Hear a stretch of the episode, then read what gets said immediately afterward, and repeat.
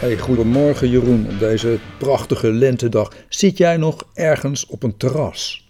Nog niet. Dat is niet mijn werkelijkheid, maar ehm, het, het, verlangen is er wel. En uh, daarmee heb ik een heel algemeen verlangen, denk ik wel, benoemd.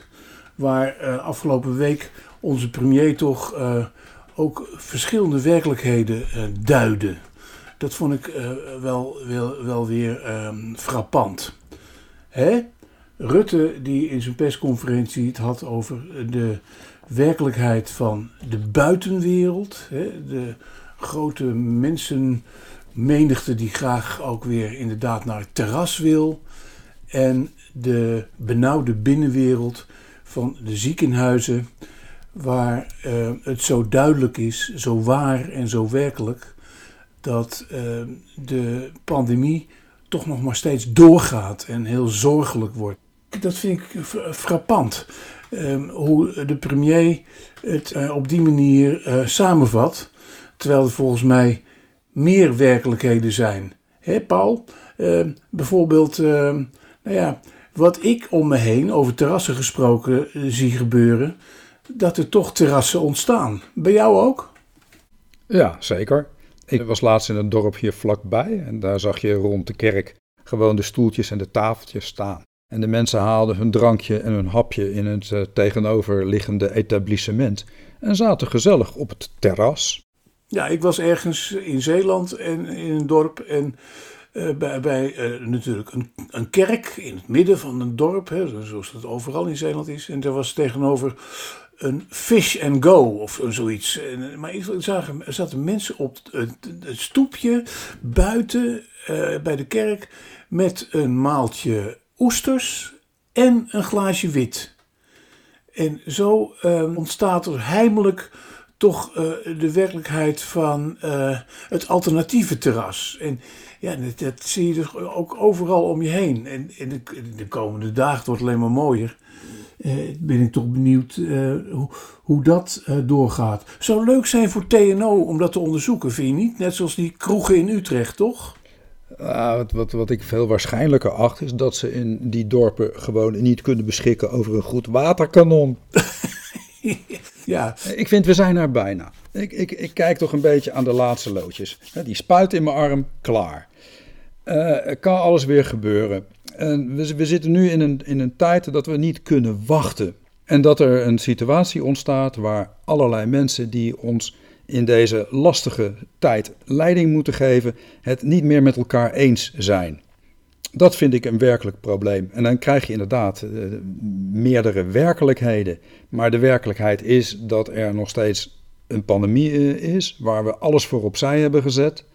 En waar we nog heel eventjes mee zouden moeten leren leven. Maar ik denk dat de regering ook heeft gewild om aan de mensen een signaal te geven. Is niet onze opzet om dat te doen. Want dat vind je toch wel vaak terug tegenwoordig op internet. Hè? Dus ze willen ons eronder houden, ze willen ons erin houden. Nee, wij willen jullie je vrijheid ook teruggeven. En daarom noemen ze ook steeds die data. En dat vind ik dan weer vervelend, want dan reken je ergens op en dan gaat het weer niet door. Ik wil liever dat een regering zegt, nou dit en dit is het probleem, daarom moeten we dit en dit nog doen. En we houden nog even vol en we zijn hier en hier mee bezig. Ja, wat ik trouwens heel problematisch vind, dat is niet het terras, maar dat ik niet gewoon de grens over kan. Ik woon hier vlak aan de rand van Duitsland. En als ik een stukje ga fietsen of ga wandelen, dan wil ik die grens over. En dat kan dus even niet. En dat vind ik heel raar. Uh, staan ze daar echt uh, met beambten de boel uh, te blokkeren? Op dit moment? Nee, dat niet. Maar ja, weet je, het is niet prettig als je steeds het gevoel hebt: ik ben hier zwaar in overtreding. Ja, ja, ja, ja. maar ja, dat is dan ook weer zo'n zo'n werkelijkheid. Hè? Uh, en uh, dat noem je ook, ook typerend woord, grens en overschrijding. En, dat is uh, de, de, de, aardige derde werkelijkheid waar we het net al zo'n beetje over, over hadden, die steeds meer ontstaat. mensen zoeken waar de grenzen dicht zijn, sluipwegen? Ook, de, ook, de, ook de winkels. Ik heb nou een aantal keren meegemaakt uh, dat ik winkels waar je zou moeten afspreken met een telefoon en een tijdstip opgeven, gewoon toch naar binnen kunt. Omdat uh, ja, de winkelier dat, dat toelaat. Zal niet overal zo zijn, ook in de grote steden niet. Maar ik heb dus hier op het platteland al een paar keer meegemaakt dat ik gewoon ergens naar binnen kan en een, en een boodschap kan doen. Ja, dat kan hier ook, want die winkels zijn nooit vol. En dat zijn ze ook nooit geweest. Ik zat wat dat betreft te denken dat ze veel beter zo'n systeem in kunnen voeren als vroeger. Met, met zwembaden. Ik weet niet of je dat nog kent als klein jongetje. Dan kreeg je een bandje om je arm een rood bandje of een geel bandje of een blauw bandje. En dan mocht je zo lang blijven. En als er te veel mensen in het zwembad waren, dan moest je wachten tot er weer een bandje vrij was. Dus dan is het zo, willen alle dames en heren, of willen alle mensen, moet je tegenwoordig zeggen, met de blauwe bandjes de winkel standtepeden verlaten. En dan kunnen er weer nieuwe mensen naar binnen. Ik zou dat wel een aardig systeem vinden. Ja, nou in Utrecht hadden de mensen die naar het café gingen, hadden allemaal een tag voor, voor het onderzoek een, een tag, het personeel en de mensen in, in de bezoekers. Oh ja, dat zijn die proeven. Dan mag je als proefkonijn mag je een café binnen. Ja. Heb jij dat gedaan? Ik, uh, Heb je daar aan meegedaan? Ik, uh, ik, had helemaal geen zin in om met een tag in het café te zitten en op afstand. En uh, dan ook nog gemeten en geobserveerd te worden. Absoluut nee hoor. Geen zin in. Nee, hè? En, um, nou ja, trouwens, uh, over werkelijkheden gesproken. Dat vind, ik vind het ook weer zo absurd dat dat dan als een soort field lab kroegtocht-experiment wordt gehouden. Terwijl um, vorig jaar um, tussen een paar golven door alles wel weer open was. Terrassen open, cafés open. Weliswaar met uh, beperkingen en looplijnen en afstand houden. En dat ik toen toch in Utrecht ook heb meegemaakt uh, dat weliswaar horeca open was, maar dat de klandizie maar um, mondjesmaat kwam, dat ze half vol zaten. Uh, ook omdat een aantal mensen gewoon nog niet durfden. En het personeel het vervelend begon te vinden om voor politieagent te spelen omdat de mensen toch te weinig afstand hielden. Nou ja, de, de, dat is uh, over werkelijkheden gesproken heel meetbaar te zien geweest. Uh, bij jullie in de buurt toch ook? Nou, wat je nu wel krijgt is, er zijn mensen die zijn geïnjecteerd, die zijn dus gezond en die blijven gezond. En die lopen geen risico. En anderen die zijn nog niet geïnjecteerd, die hebben nog geen vaccin gekregen en die lopen die risico's wel. Dus je krijgt een soort tweedeling. Ja, ook weer verschillende werkelijkheden. En bij die, bij die, in die tweedeling uh, hoort ook, denk ik, een mentaliteit. Want zij die al ingeënt zijn, um, zich uh, bij wijze van spreken immuun gaan wanen. Ja, en terecht. Um, daar komt op dit moment ook nog bij de, de buiteling van uh, uh, vaccinatiewaarheden hè, over de verschillende vaccins. En de enorme angst die er bestaat uh, om ook maar één verkeerd spuitje te zetten. Dus dat degenen die nu inmiddels een spuit al hebben met AstraZeneca moeten lezen uh, dat het voor andere generaties uh, weer te link is. En wat dat betreft is ook mij een woord opgevallen dat afgelopen dagen viel in zaken het bestuurlijk vermogen of onvermogen met die vaccins. En daar viel de naam van Hugo de Jong natuurlijk weer. Dat was uh, echt, echt een, dat zou je moeten scrabbelen zeg. Vaccinatie-zwabberbeleid. Prachtig woord. Vaccinatie-zwabberbeleid. ja. Nou goed, wat, ja. wat dat betreft uh, hebben we het wel, uh, wel weer gehad hè, met de werkelijkheid van het, van het vaccin als we één ding zien, is dat we de werkelijkheid niet kunnen maken. We kunnen het niet beheersen. En wat er, dat we op een gegeven moment zitten te wachten op het medicijn van Janssen. En dan is er toch net weer iets mis. En dan moeten we weer wachten en dan moet het weer gekeurd worden. We kunnen het niet berekenen. We kunnen de tijdlijn niet precies uittekenen. Maar ik ben wel optimistisch hoor. Jij niet? Uh... Ik maak me meer zorgen om de landen waar ze niks doen. Eh, Brazilië, uh, landen in Afrika waar ze niks kunnen doen, omdat ze de mogelijkheden niet hebben, waar dat soort virussen er flink op los muteren. En dan krijgen we het via een achterdeur straks weer terug. Daar ben ik wel benauwd voor. Kijk eens in Engeland, uh, Israël. Kijk naar Australië, Nieuw-Zeeland, daar is het probleem toch mooi opgelost. Maar als je straks weer het, het, vrije reizen krijgt en je ziet hier op Schiphol de vliegtuigen nog landen uit Brazilië, dan importeren we weer nieuwe virusproblemen. Ja, nou ja, het geeft gewoon aan dat je weliswaar misschien optimistisch kunt zijn, maar dat het uh, hardnekkig blijft en dat het oppassen blijft. Nou las ik deze week wel in de krant dat als je in Enschede, waar ik in de buurt woon, in het ziekenhuis uh, komt, dat je dan heel gezond te eten krijgt. Ook op de corona-afdeling? Ja. Hoe zit dat dan? Ze hebben daar uh, bedacht dat ze mensen beter kunnen maken door ze geen koffie te geven, maar paarse smoothies van bietjes, kwark en volle room. En broodjes vol eiwitten. En dat ze het eten heel aantrekkelijk presenteren. Niet op een bord, maar in een aantrekkelijk rood pannetje. Zodat je zeven bewuste eetmomenten per dag krijgt. En dat is wel een contrast hoor, want tot nu toe kon je in dat ziekenhuis gewoon via je iPad bitterballen en kroketten en patat bestellen de hele dag door. Tja, en uh, uh, wie heeft dit uh, zo bedacht? Is, is, is, er, welke mastermind zit hierachter? Daar zit altijd een gezond eten goeroe achter. Ja. Het past ook wel een beetje in de tijd. Ja, ja bitterballen in een ziekenhuis, ik moet er niet aan denken. Heb je dat ook gelezen van dat paard in het ziekenhuis, Jeroen? Ja, dokter Peo, hè? Dokter Peo. Ja. In Frankrijk. Ja. In een ziekenhuis in Calais, daar hebben ze een, een, een therapeutisch paard. En dat kwam naar buiten toen uh, er foto's van dat paard op de World Press Foto tentoonstelling verschenen. Heel bijzonder. Het is een heel bijzonder paard. En dat gaat uh, bij patiënten langs die die zelf uitkiest, waaraan die voelt dat de mensen ziek zijn. Het is een soort uh, viervoetige kliniekclown. Ja, en er zitten er toch twee in, of niet? In dat paard? ja, dat zal het waarschijnlijk zijn. Ja. ja. het zijn toch bijzondere tijden. Ja, en dan, gaat hij, en dan loopt hij altijd naar een ziek persoon in het publiek. Ja, dit is ook zo bijzonder. Ja, dat deed hij vroeger. Ja. Het was een, een paard wat met, met heel, heel, heel veel mogelijkheden, maar wat niet te trainen was. Het paard was in de wieg gelegd, was ons gegeven als knuffelpaard. En het paard zocht tijdens de show gewoon mensen op in het publiek.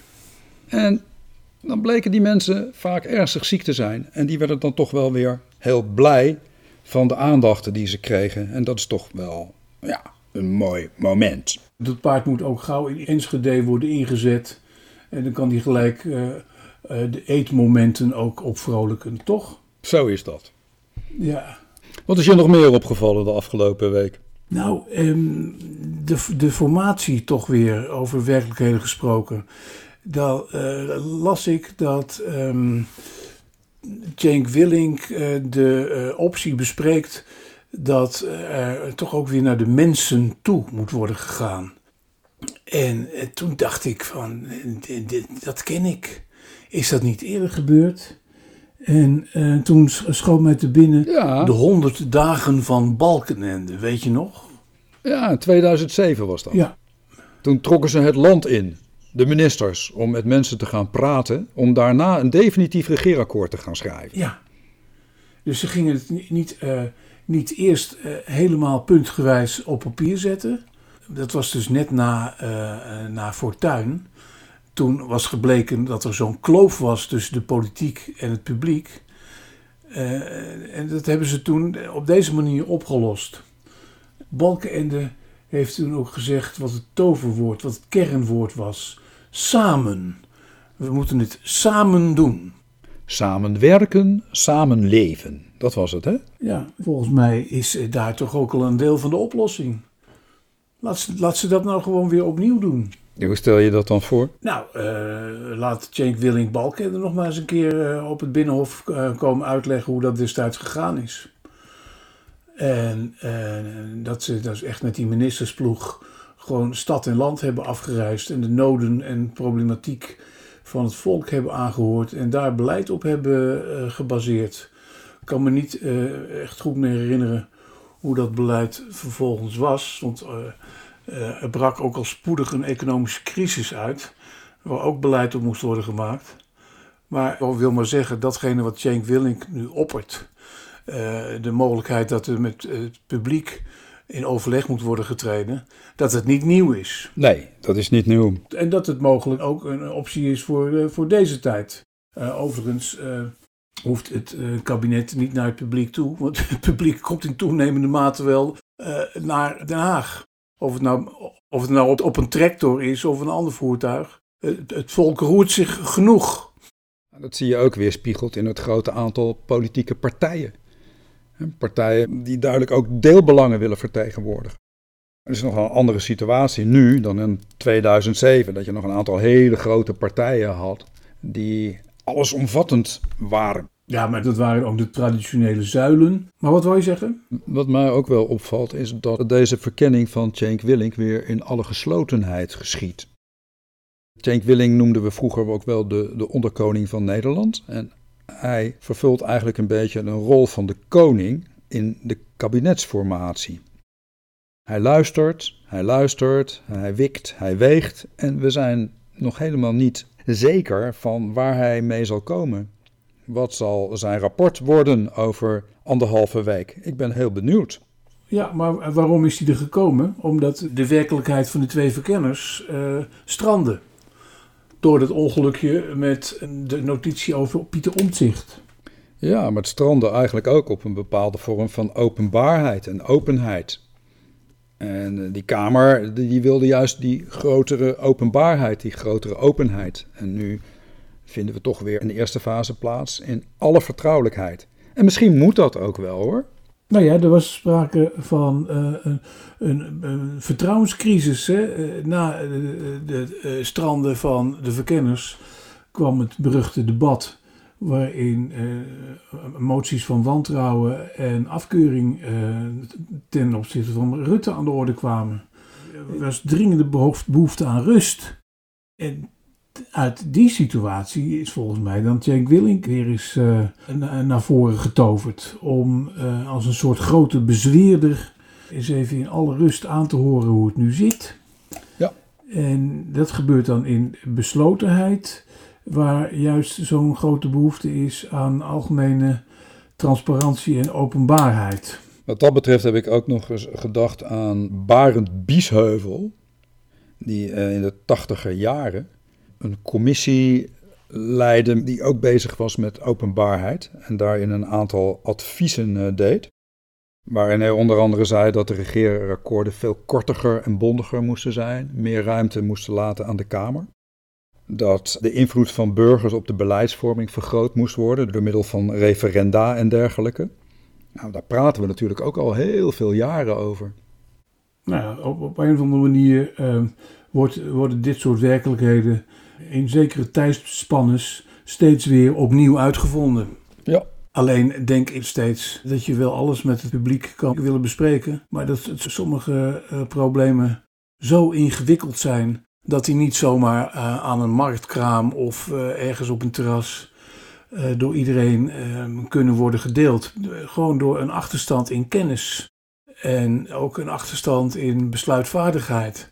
Dus zo simpel is het niet. Uh, openbaarheid uh, is natuurlijk uh, belangrijk, maar besluitvorming is toch vaak een aangelegenheid voor degene die daarvoor hebben doorgeleerd, zou ik maar zeggen. Ja, dat zit natuurlijk ook wel ergens in de essentie van ons parlementaire systeem. We hebben sowieso een meerpartijensysteem, waarbij er altijd compromissen moeten worden gesloten. En dat betekent dat nooit iemand voor volle 100% zijn zin kan krijgen.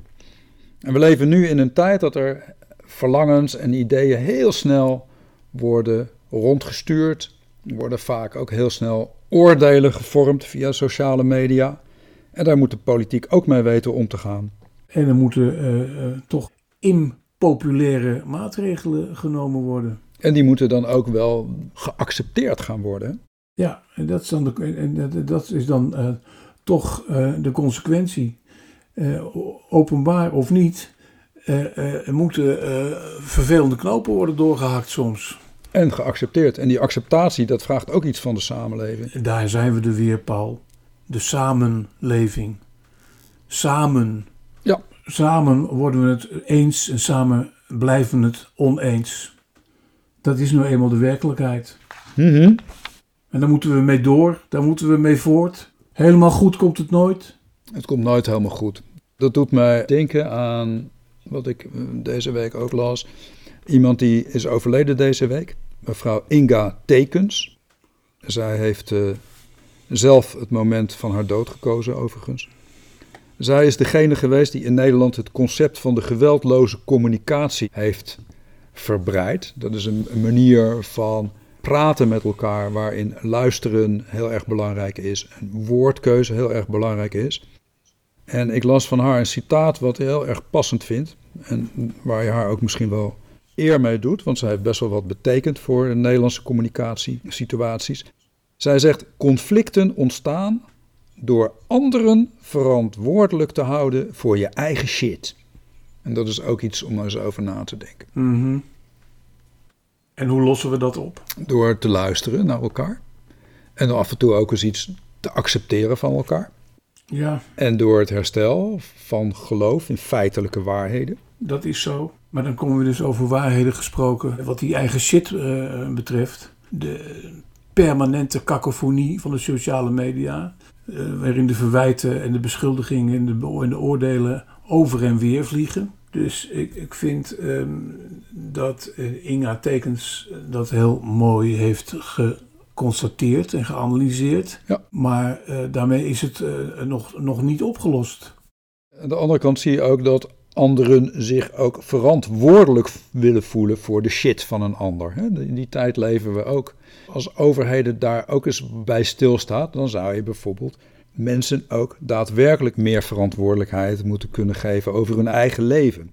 Heel simpel, als je nu denkt aan bijvoorbeeld al die toeslagenregelingen, dan kun je ook wel eens bedenken, wat raar eigenlijk dat je via de belasting geld moet ontvangen omdat je niet genoeg verdient om gewoon een huis te kunnen kopen, om je kinderen naar de opvang te kunnen brengen, om je ziektekostenverzekering te kunnen betalen. Dan doen we gewoon iets heel erg verkeerd. Dan zou je ook kunnen zeggen, ja, laten we zorgen dat die zaken of goedkoper worden, of dat mensen meer dan genoeg verdienen om die zaken gewoon uit eigen zak te kunnen betalen.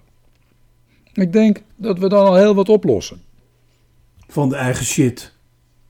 Ja, zeker. Wat dat betreft las ik nog wel een raar bericht. Gerrit-Jan van D, hè, die ken je wel. Daar is nogal in de actualiteiten geweest. Die woonde met kinderen in Ruinerwold.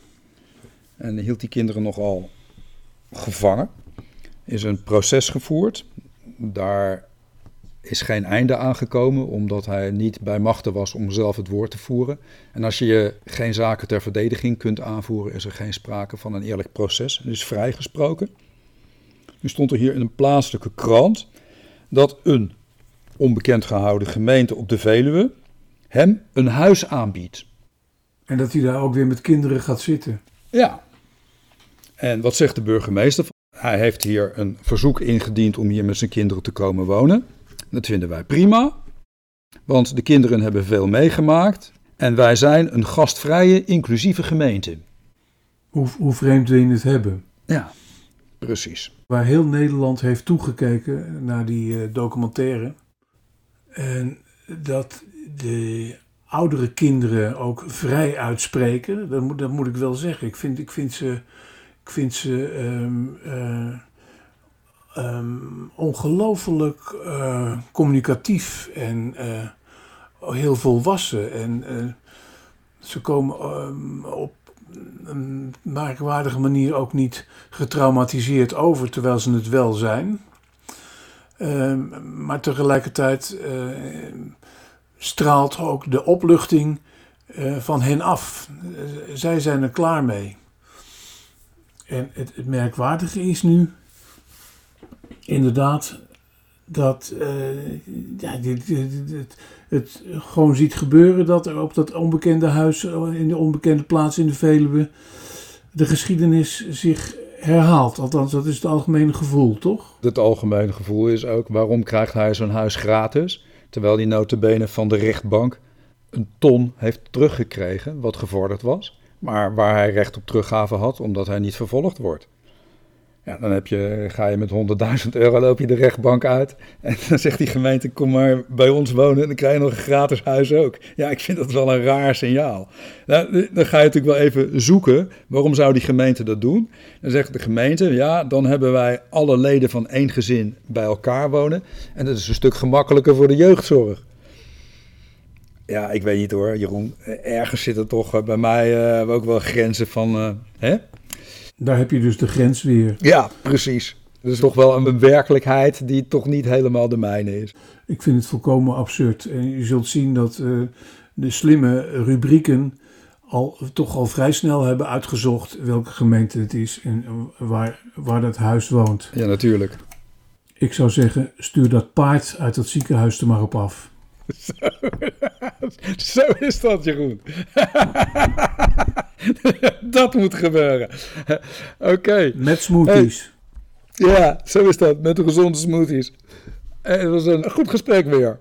Tot de volgende keer. Oké. Hey. Goed zo. Dag.